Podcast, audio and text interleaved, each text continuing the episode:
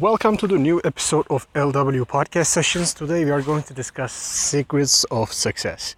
Anyway, did you ever stop and ask yourself why is it that some people are more successful than others? Why is it that some people make more money, live longer, have better relationships? Interesting questions, right? Brian Tracy asked those questions in order to find some answers in his great speech, Carry On. He tells a great story from his own life, then he gives the secrets of su- success and what he discovered about it. He says success is predictable as the sun rises from the east and sets in the west. Today we are going to cover these principles briefly.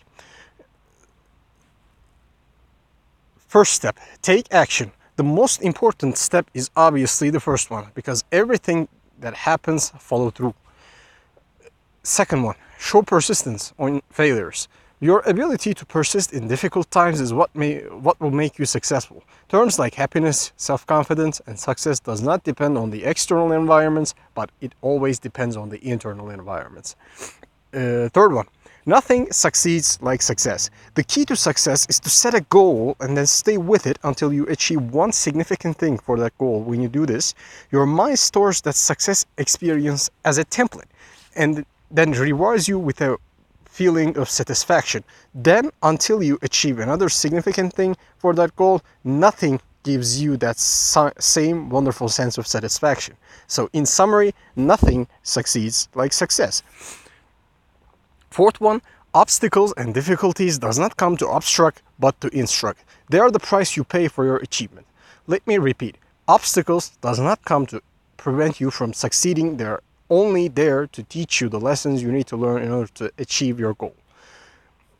Fifth one, nobody does it alone. That's a classic one, I think. We all need the help of other people when we face difficulties, obstacles, and adversity in life. And sixth one is even the biggest goals could be achieved if you take it just step by step. Seventh one, watch out for the naysayers. The people around you will, will and definitely tell you you can't do it, and why you can't do it. You will lose your time, you will lose your money. But someone once said if every possible ob- objection is overcome, nothing will ever get done. Thank you for listening, everyone. I wish you a good day, and I'm out for today. Take care. Have a great day.